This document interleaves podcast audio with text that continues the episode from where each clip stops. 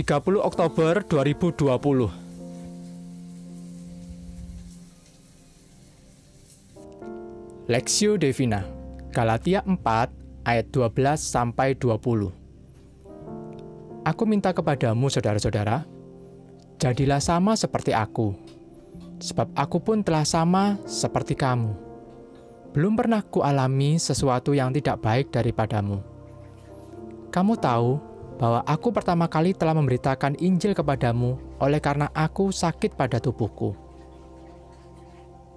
Sungguh pun demikian keadaan tubuhku itu yang merupakan pencobaan bagi kamu, namun kamu tidak menganggapnya sebagai suatu yang hina dan yang menjijikan.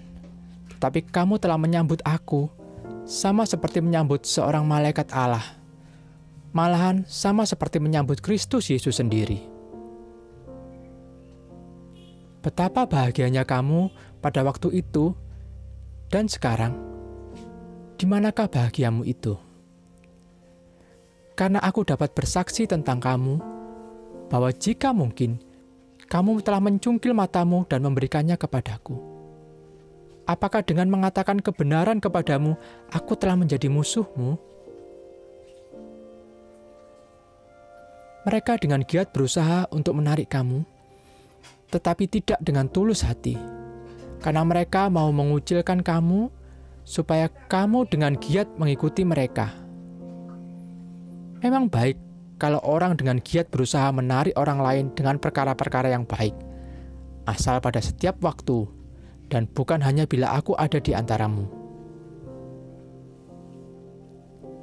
Hai anak-anakku, karena kamu aku menderita sakit bersalin lagi, sampai Kristus menjadi nyata di dalam kamu Betapa rinduku untuk berada di antara kamu pada saat ini dan dapat berbicara dengan suara yang lain, karena aku telah habis akal menghadapi kamu. Rupa Kristus, perspektif. Hai anak-anakku, karena kamu aku menderita sakit bersalin lagi, sampai rupa Kristus menjadi nyata di dalam kamu. Galatia 4 ayat 19 ada proses yang dibutuhkan sebagai orang pemahat untuk mengubah bongkahan kayu atau batu menjadi sebuah figur yang diinginkan. Membentuk sesuatu pasti membutuhkan waktu dan proses yang tidak mudah. Jika membentuk benda mati saja membutuhkan proses yang tidak mudah, terlebih lagi sarana pembentukan manusia yang hidup. Hal ini digambarkan oleh Paulus dengan istilah sakit bersalin. Sakit bersalin di sini memberikan pengertian sebuah kesakitan dan penderitaan yang luar biasa.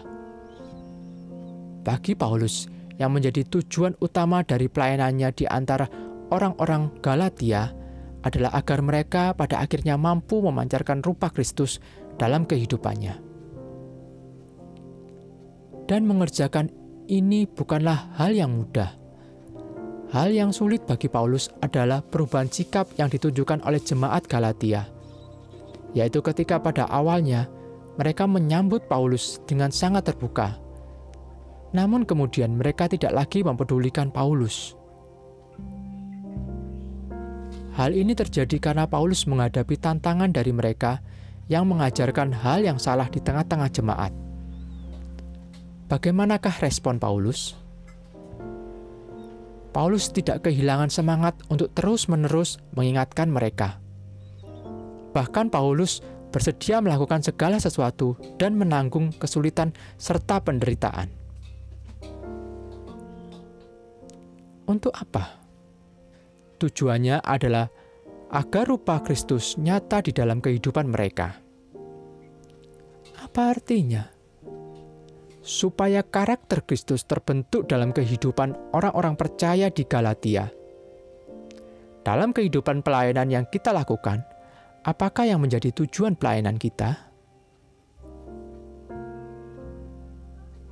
Tujuan utama yang seharusnya kita kejar adalah agar kita dan setiap orang yang kita layani menyatakan rupa Kristus melalui kehidupannya masing-masing. Jumlah pengikut yang banyak tidak selalu berbanding lurus dengan pertumbuhan iman dan kehidupan yang benar akan Tuhan.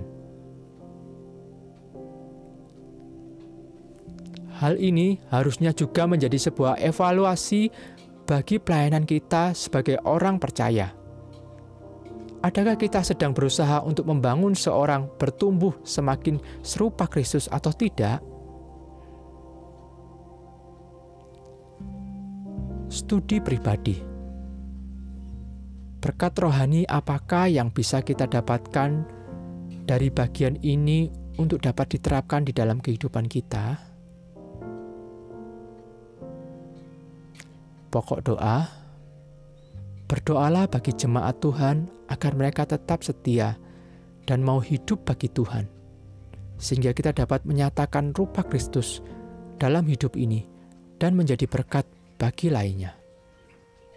Amin.